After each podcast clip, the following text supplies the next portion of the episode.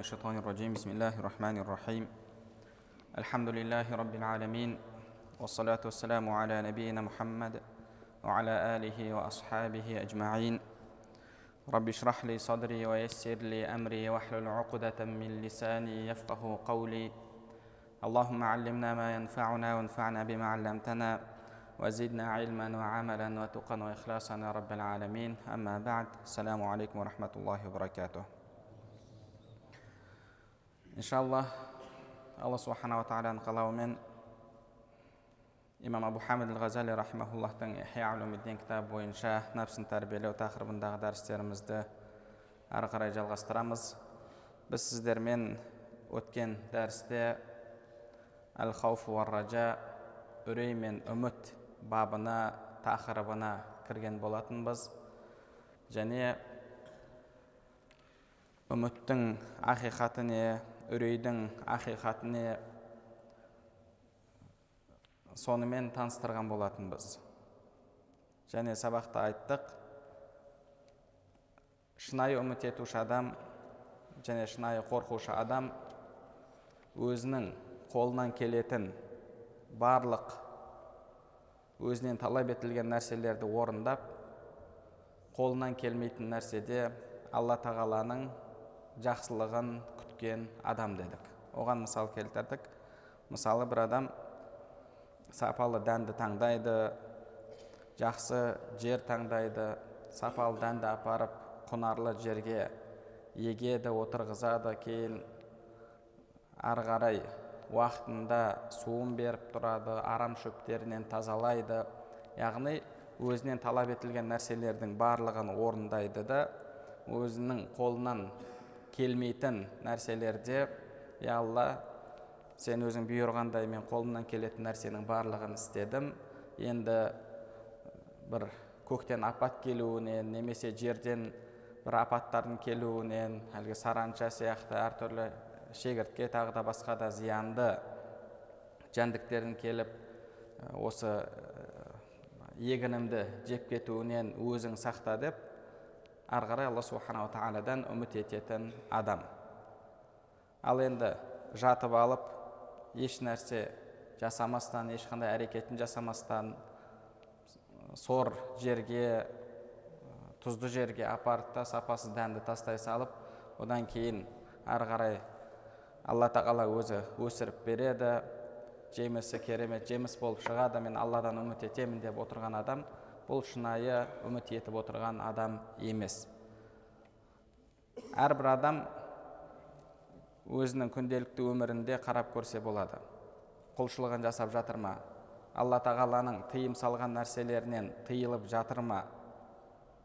Соның барлығын орындап ары қарай алла тағаладан я алла осы тура жолыңда жүрегімді тұрақты ет жүрегімді бұрып мені өмірімнің соңында немесе орта жолда адастырма деп ары қарай алла тағаладан дұғасын жасап алла тағаладан жақсы жолда тұрақты етуін сұрайтын адам осы шынайы үміт еткен адам болып есептеледі.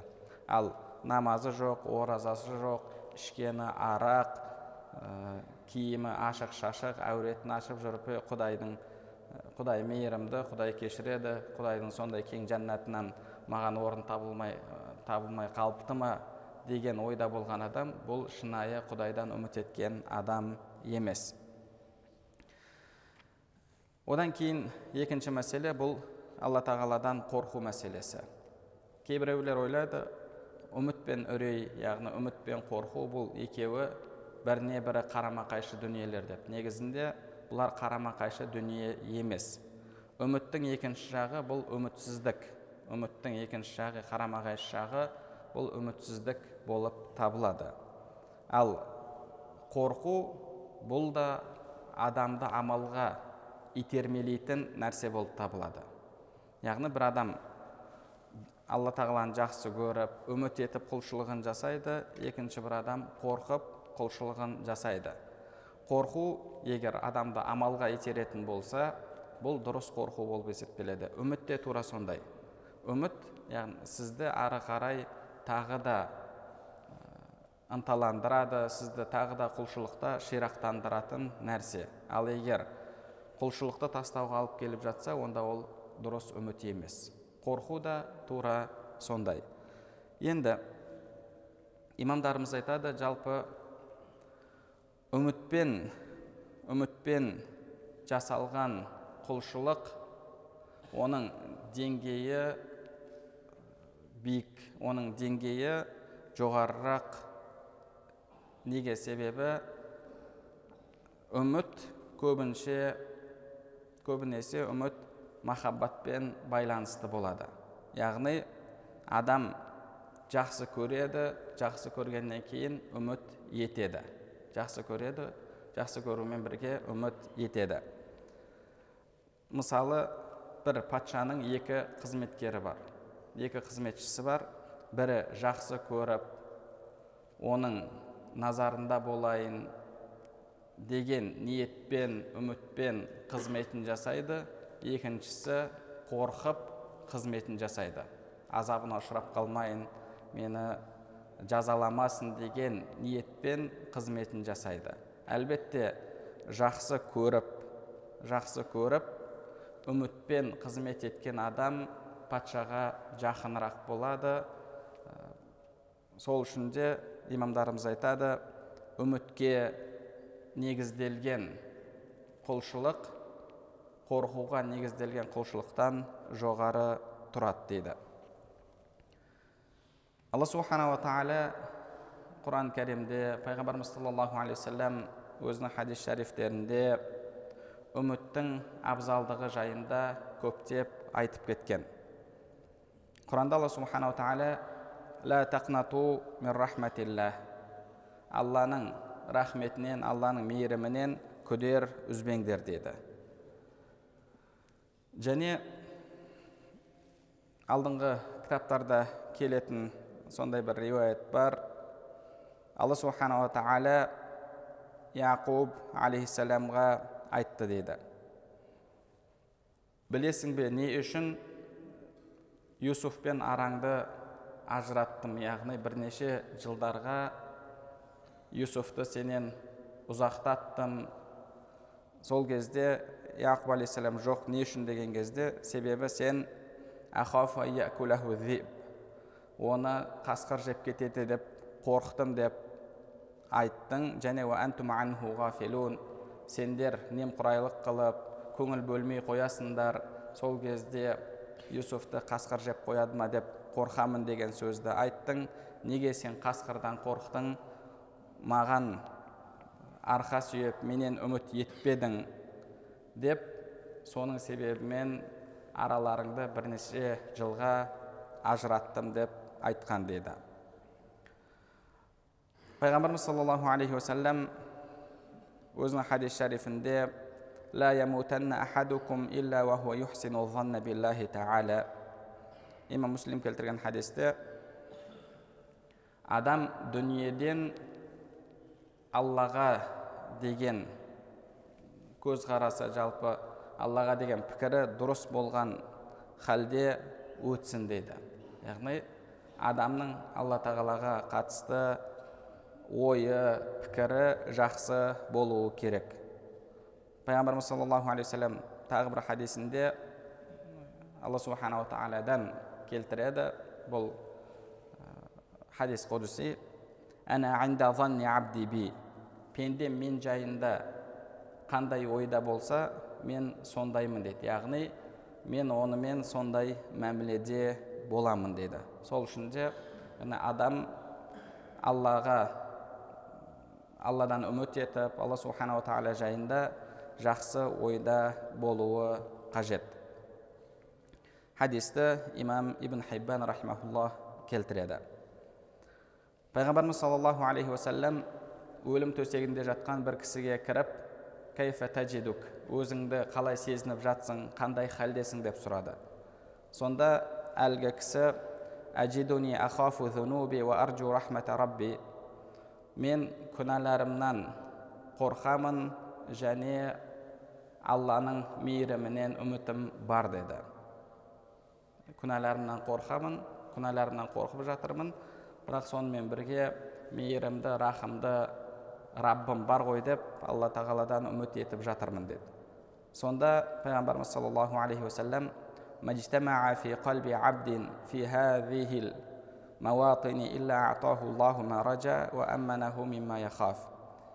осындай сәтте қайсы бір адамның жүрегінде осы екі сипат жиналатын болса яғни алладан үміт етіп және күнәларынан қорқатын болса алла тағала үміт еткенін оған береді және қорыққан нәрсесінен оны сақтайды деді. Али радиаллаху анху бірде бір кісіні көрді. Ол кісіні алладан қорқу үмітсіздік деңгейіне яғни күдер үзу деңгейіне жеткізіп қойған сонда әлгі кісіге али радиаллаху анху ей пәленші алладан алланың мейірімінен жақсылығынан кешірімінен үмітсіз болуың күдер үзуің мына жасап жүрген күнәларыңнан да ауыр деді мына жасап жүрген күнәларыңнан да ауыр деп али радиаллаху анху ол адамды ондай үмітсіз халде болудан қайтарды имам суфиян ат-таури рахмаулла айтады من أذنب ذنبا فعلم أن الله تعالى قدره عليه ورجى غفرانه غفر الله له ذنبه قال تعالى وذلكم ظنكم الذي ظننتم بربكم أرداكم кімде кім күнә жасап қойса және сол күнәсі тағдырында бар екендігін мойындап сонымен бірге алла тағаланың мейірімін жақсылығын кешірімін үміт ететін болса алла тағала оның күнәсін кешіреді. Құранда тозақы болғандарға айтады сендердің аллаға деген көзқарастарың сендерді құртты деп айтады. Және алла субханала тағала құран кәрімде алла жайында жаман ойда болып сендер құрған қауымдардың қатарына кірдіңдер дейді яғни адам әрдайым алла субханала тағала жайында жақсы ойда жақсы пікірде болуы керек алла субханала тағала тағы да құран кәрімде كتاب الله وأقاموا الصلاة وأنفقوا مما رزقناهم سرا وعلانية يرجون تجارة لن تبور шынында ақиқатында алланың кітабын оқитындар намаз оқып және алланың берген рызқынан жасырын түрде әшкере түрде жұмсайтындар олар сондай банкротқа ұшырамайтын тижаратты сауданы үміт етеді дейді. Яғни бұл хабарлардан жалпы біз адамның әрдайым алла субханала тағала жайында жақсы пікірде жақсы ойда болуы керектігін және ешқашан алланың жақсылығынан мейірімінен күдер үзбеу керектігін білеміз.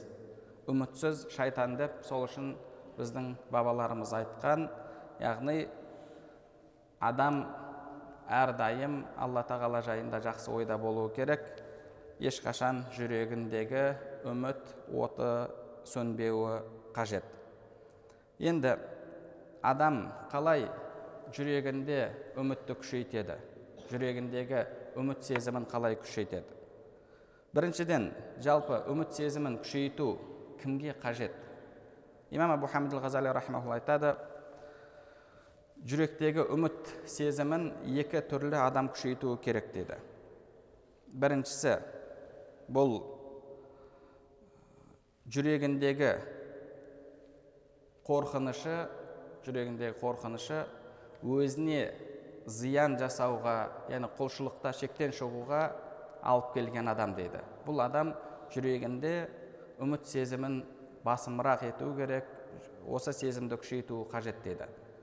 Яғни ол адам қатты қорықты қорыққан соншалықты құлшылыққа берілген кезде құлшылық жасауда шектен шығып кетті. Өзіне отбасына денсаулығына зиян келтіретін деңгейде құлшылық жасауға көшті. Пайғамбарымыз саллаллаху алейхи уассаламның хадис шарифін барлығымыз білеміз. Бір үш кісі келіп пайғамбарымыздың құлшылығы жайында аналарымыздан сұрастырды. Кейін пайғамбарымыз саллаллаху алейхи вассалам құлшылығын олар естіген кезде азсынып енді ол кісінің жәннат екендігі анық қой бірақ біздің күнәларымыз көп. Ол кісінің деңгейіне жету қайда деді де сонымен бірі тұрып мен ешқашан үйленбеймін деді. Өмір бойы бойдақ болып өтемін деді. Екінші біреу айтты мен ораза тұтамын аузымды ашпаймын яғни жыл он екі ай оразада боламын деді. Үшінші біреуі мен енді бұдан кейін түнде ұйқыға көз ілмеймін ұйықтамаймын әрдайым құлшылықта боламын деді. Сонда пайғамбарымыз саллаллаху алейхи уассалам мен сендерден де қаттырақ алладан қорқамын. Бірақ мен ораза да тұтамын аузым ашық күндер де болады. Мен үйленемін және ұйықтаймын. Сонымен қатар түнде тұрып құлшылығымды жасаймын деді. Яғни бұлардың жүрегіндегі жүрегіндегі қорқыныш осындай өздеріне зиян келетін нәрсеге баруға итермеледі. Пайғамбарымыз саллаллаху алейхи вассалам оларды бұл нәрседен тыйды. Тыймағанда олар өздеріне зиян келтіретіндей жағдайға деңгейге жетер еді. Бұндай адамның жүрегіндегі үміт сезімін күшейту керек. Және екінші адам бұл үмітсіздікке үмітсіздік дертіне шалдығып құлшылықты тастап қойған адам. Құлшылықты тастап қойған адам. Біз құлшылық қанша жасасақ та бәрібір алланың ұлықтығының деңгейінде жасай алмаймыз. Біз қанша құлшылық жасасақ та ол құлшылықтарымыз кемшіліктерге толы. Ондай кемшілікке толы құлшылық қабыл болады ма болмайды ма деп яғни сондай ойлармен үмітсіздік дертіне ұшырап алла тағаланың мейірімінен жақсылығынан күдер үзіп құлшылықты тастап қойған адам. Осы екі адам жүрегіндегі үміт сезімін күшейтуі керек.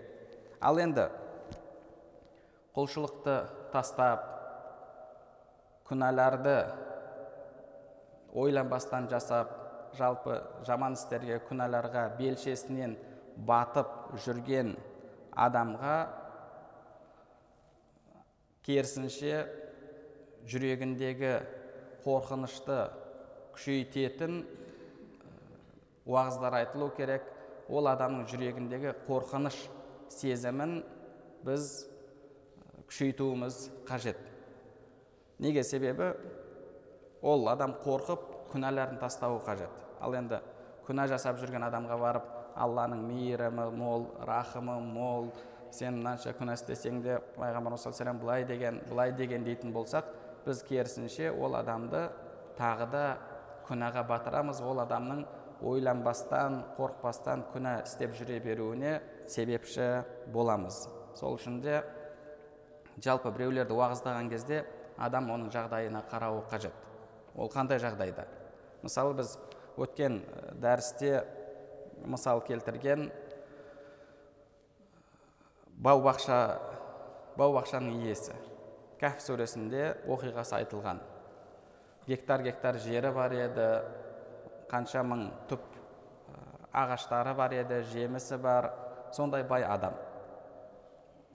Сол адам мағрур яғни өзі жайында керемет пікірде менің бұл бизнесім ешқашан банкротқа банкротқа ұшырамайды және мен аллаға қайтатын болсам алланың алдындағы жағдайым бұдан да жақсы болады деген пікірдегі адам еді. Бұны мағрур дейді мағрур яғни алданып жүрген адам алла субханала тағала құран кәрімде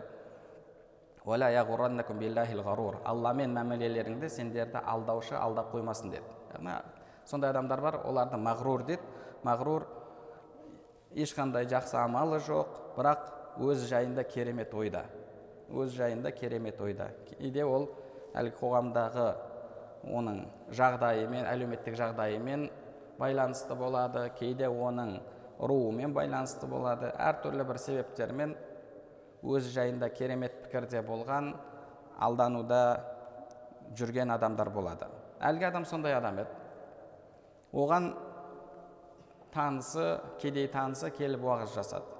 Уағыз айтқан кезде иә алла тағаланың мейірімі мол барлығы керемет болады осылай жүре бер деген жоқ. Керісінше алла тағала маған бұл сенің бақшаларыңнан да жақсырақ нәрсені беріп сенің бақшаларыңды құртып жіберуге құдіреті жетеді.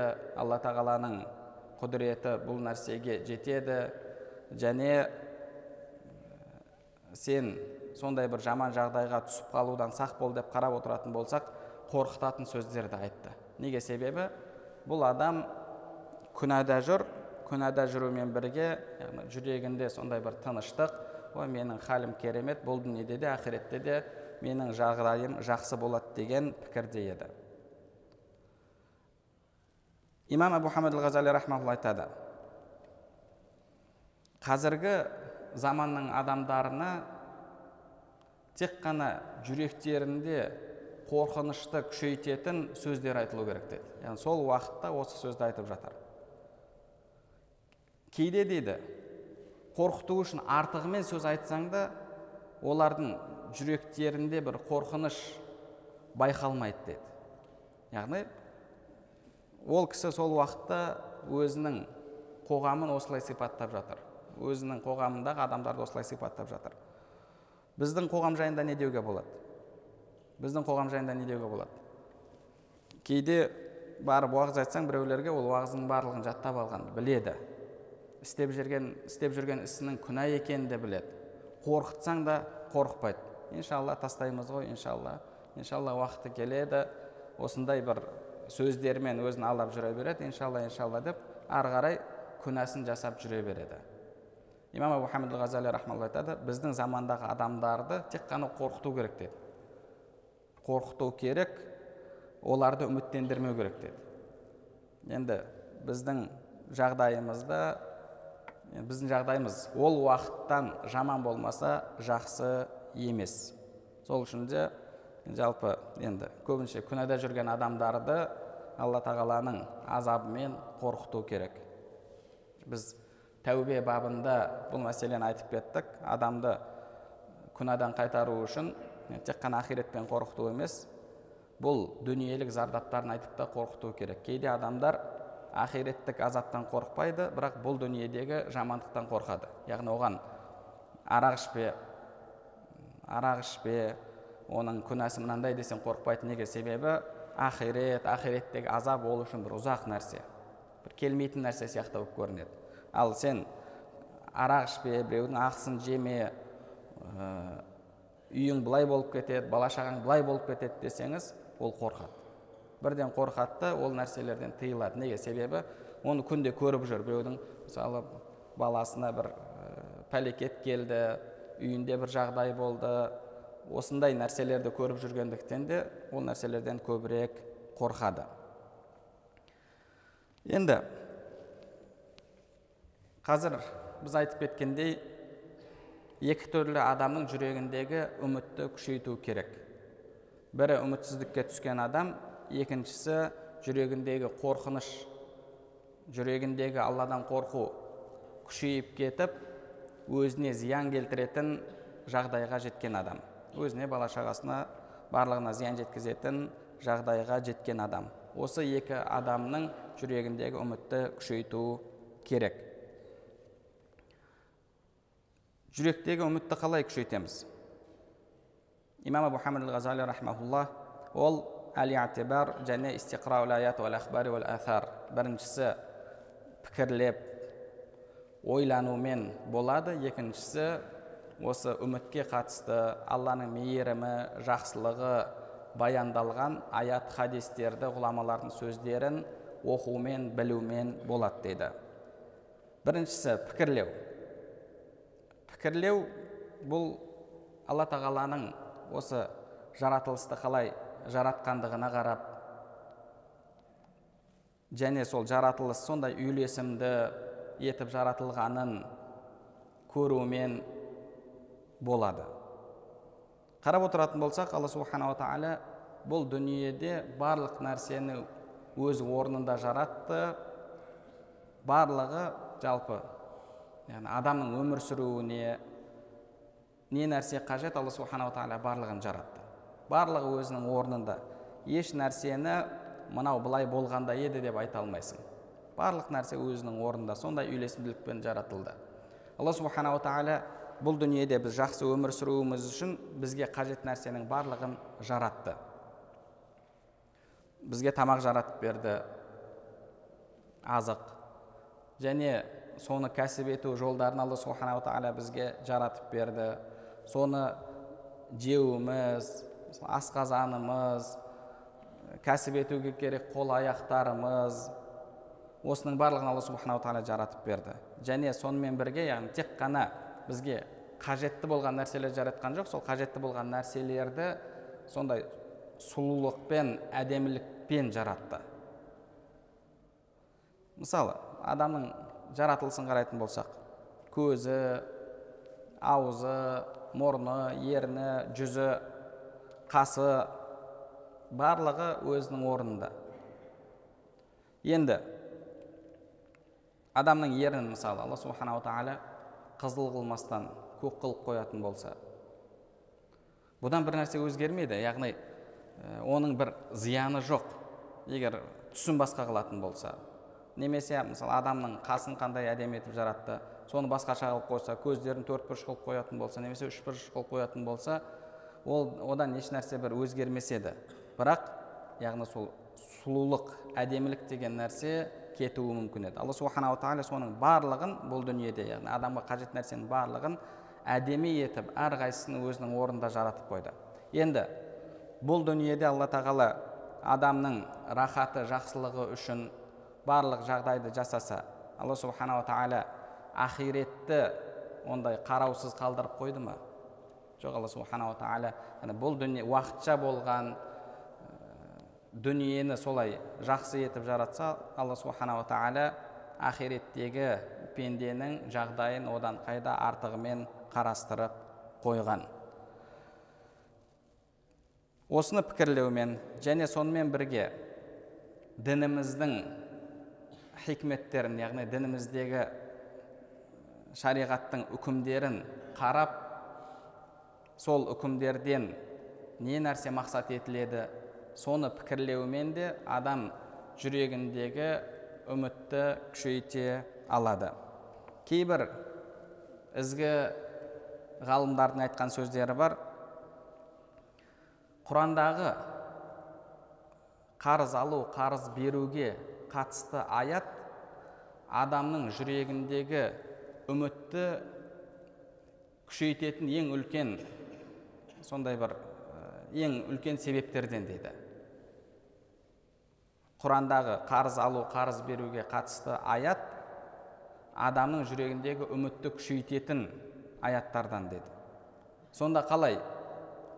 Қалайша адам ол аятты оқу арқылы жүрегіндегі үмітті күшейте алады деп сұрақ қойған кезде ол кісі айтқан дүние қарап отыратын болсақ бір болмашы нәрсе дейді. Дүние болмашы нәрсе дүние өзі болмашы аз қысқа болған нәрсе. Бізде қамшының сабындай қысқа болған дүние дегендей дүние өзі сондай аз қысқа нәрсе. Соның ішіндегі адамның рызқы одан да аз. Енді сол рызықтың ішінде қарыздың алатын орны одан да азырақ. Яғни жалпы жалпы өмірге қарайтын болсақ адамдардың мысалы рызқының ішінен қарыздың алатын орны қанша? Енді кейбір адамдар бар шектен шығып өзін өзі қарызға тығады артық өмір сүремін деп сөйтіп 20 жылдап 30 жылдап 40 жылдап қарызын төлеп жүреді. Ол бөлек мәселе. Ал бірақ былай яғни күнделікті үйреншікті өмір сүретін адамның ішіп жеуінде ақша жұмсауында қарыздың орны қанша? Қарыздың орны аз. Яғни өмір бойы адам қарызға батып жүрмейді. Енді сол қысқа болған дүниенің ішінде аз болған оның рызқы соның ішінде бір азғантай мөлшерде алатын қарыз. Сол мәселеге қатысты алла субханала тағала бір бет аят түсірді. Не үшін? Адам алданып қалмау үшін. Зиянға ұшырап қалмау үшін. Енді осы дүниедегі оның рызқының ішіндегі аз болған қарыз мәселесін алла субханала тағала қарастырып соған байланысты адамға жағдай жасайды. Одан кейін ақирет тастап қояды ма? Әлбетте ақирет тастап қоймайды. Бұл қарыз бұл дүниедегі өткенше мәселе ал дін мәселесі оның орнын басатын. Ертең қияметке барғаннан кейін қайтып келіп сол бос орынды толтыратын ешқандай мүмкіндік жоқ болған дүниені алла субханала тағала қараусыз дінді кешіресіздер қараусыз қалдырып қойған жоқ. Яғни адам осы нәрсені ойлайтын болса осыған қатысты пікір жүргізетін болса соның өзі адамның жүрегіндегі үмітті күшейтеді. Екінші үмітті күшейтудің жолы бұл үміт аяттары мен хадистерді және ғұламалардан осыған қатысты келген сөздерді оқумен болады. Аят хадистер өте көп аят хадистер өте көп мысалы алла субханала тағала құран кәрімде айтады قل يا عبادي الذين أسرفوا على أنفسهم لا تقنطوا من رحمة الله إن الله يغفر الذنوب جميعا ей күнә жасауда шектен шыққан өздеріне зиян келтірген құлдарым дейді алла субханала тағала бұл жерде күнәһарларға яғни күнәға батып қалған адамдарға айтып жатыр намаз оқып арасында күнә жасап қойып жүрген адамға емес күнәда шектен шыққан яғни күнәға белшесінен батып жатқан адам. Алла субханала тағала соларға я ибади уа құлдарым деп жатыр. Күнәһарлар айюхал мужримун қылмыскерлер деп жатқан жоқ құлдарым деп алла субханала тағала оларға сондай яғни жұмсақ сөзді айтып жатыр. Ла тақнату алланың мейірімінен рахымынан күдер үзбеңдер. Алла күнәлардың барлығын кешіреді. Иннаху рахим алла кешірімді мейірімді дейді. Алла кешірімді мейірімді. Алла субханала тағала періштелерге де құлдарына дұға жасауды міндеттеп қойды. Құлдар үшін дұға жасауды. Алла субханала тағала құран кәрімде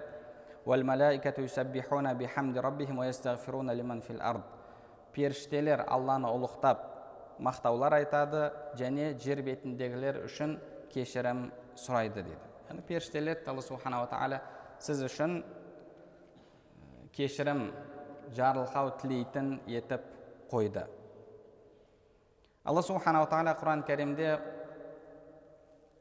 тозақты өзінің дұшпандарына жаратқанын тозақпен өзінің құлдарын қорқытатындығын айтты. Яғни тозақ дұшпандарға кәпірлерге жаратылды. Алла субханала тағала сол тозақпен өзінің құлдарын қорқытады. Яғни алла субханала тағала сол арқылы адамдардың жүрегіндегі қорқынышты күшейтеді. Ол жайында алла субханала тағала айтады.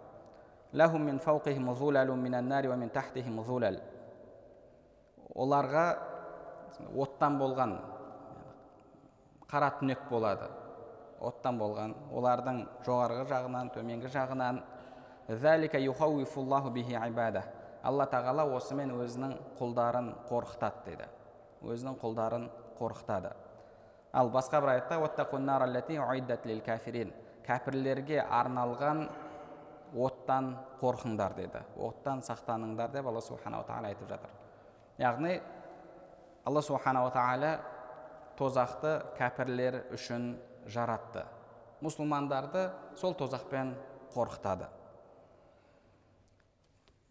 Имам әбу жафар мұхаммад ибн али рахмаулла айтады сендер құрандағы адамның үмітін күшейтетін ең үлкен аят ең ұлы аят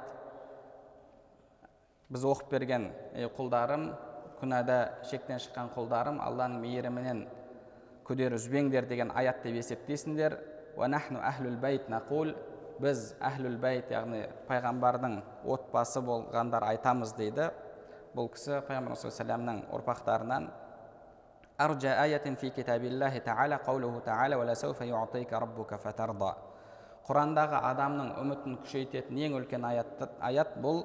Пайғамбарымызға қияметте алла тағала саған сен разы болғанша береді деген аят дейді. Духа сүресінде раббың саған сен разы болғанша береді деген аят. Не береді? Шафаатты береді кәусарды береді және тәфсірлерде келеді. Шапағаттың өзін қарайтын болсақ шапағат бұл яғни үмбетінің күнәсінің кешірілуі үмбетін тозақтан шығару.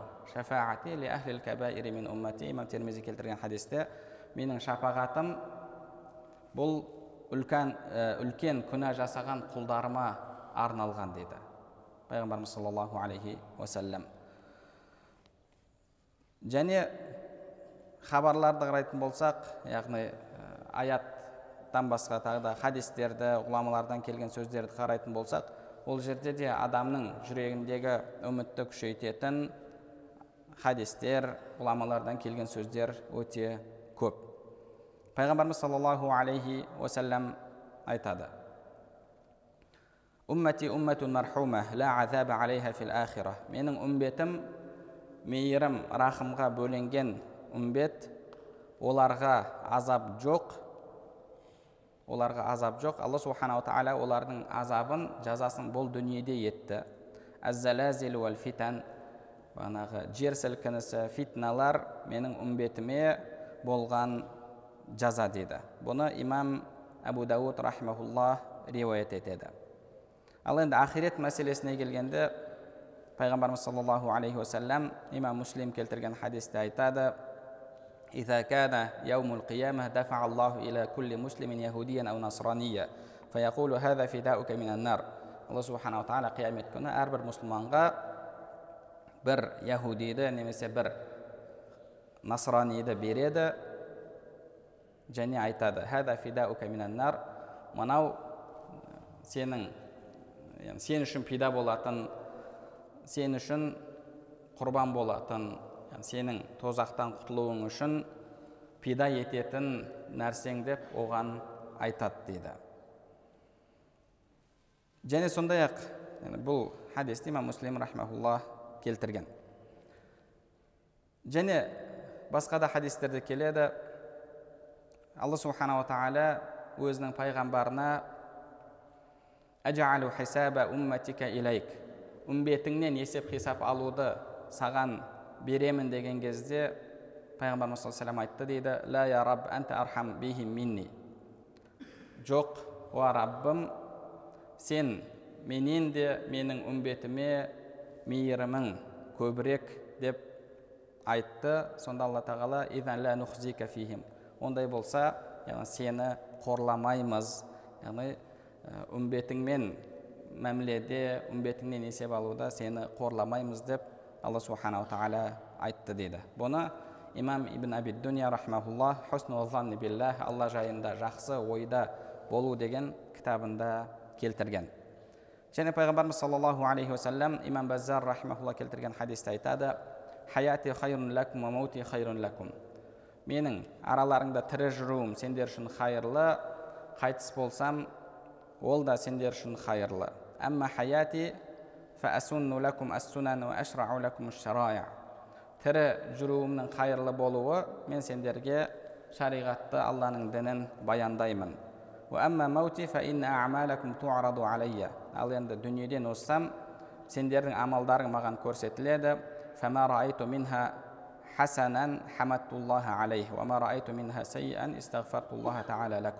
егер амалдарың жақсы болса алла тағалаға мақтау айтамын амалдарың жаман болатын болса алла тағаладан сендер үшін кешірім сұраймын дейді. Алла тағаладан сендер үшін кешірім сұраймын деп пайғамбарымыз саллаллаху алейхи вассалам айтып жатыр. Алла субханала тағала бұны тек қана пайғамбарына емес өзіңіздің ізгі туысқандарыңызға да берді. Ізгі туысқандарыңызға берді.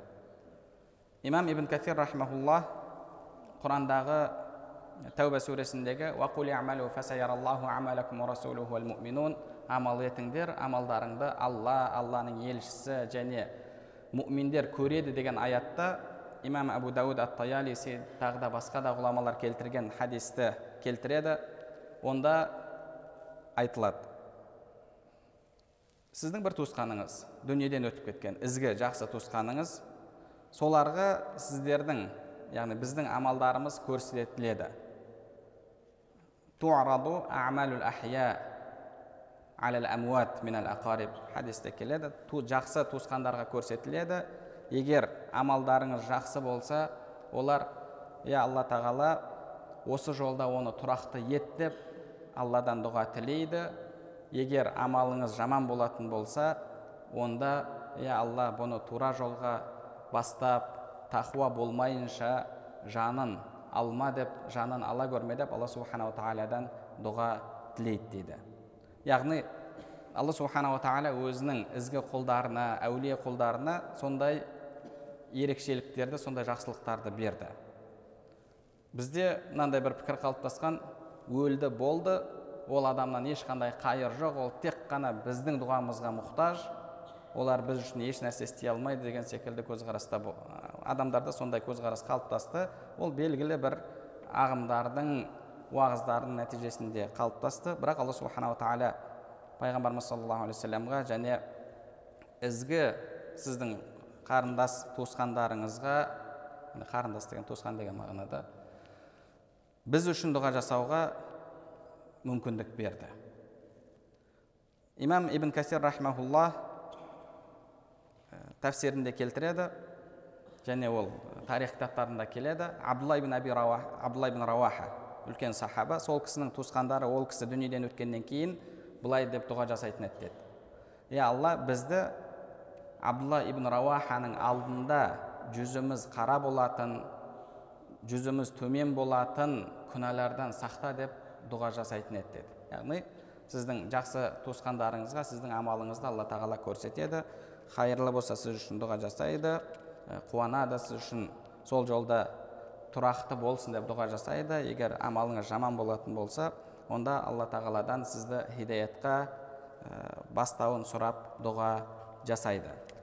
Және пайғамбарымыз саллаллаху алейхи вассаламнан келетін хадис алла субханала тағала мейірімді жүз бөлік етіп жаратты. Соның бір бөлігін осы дүниеге түсірді.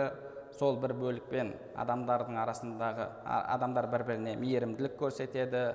Тіпті жануарлар да бір біріне мейірімділік көрсетеді.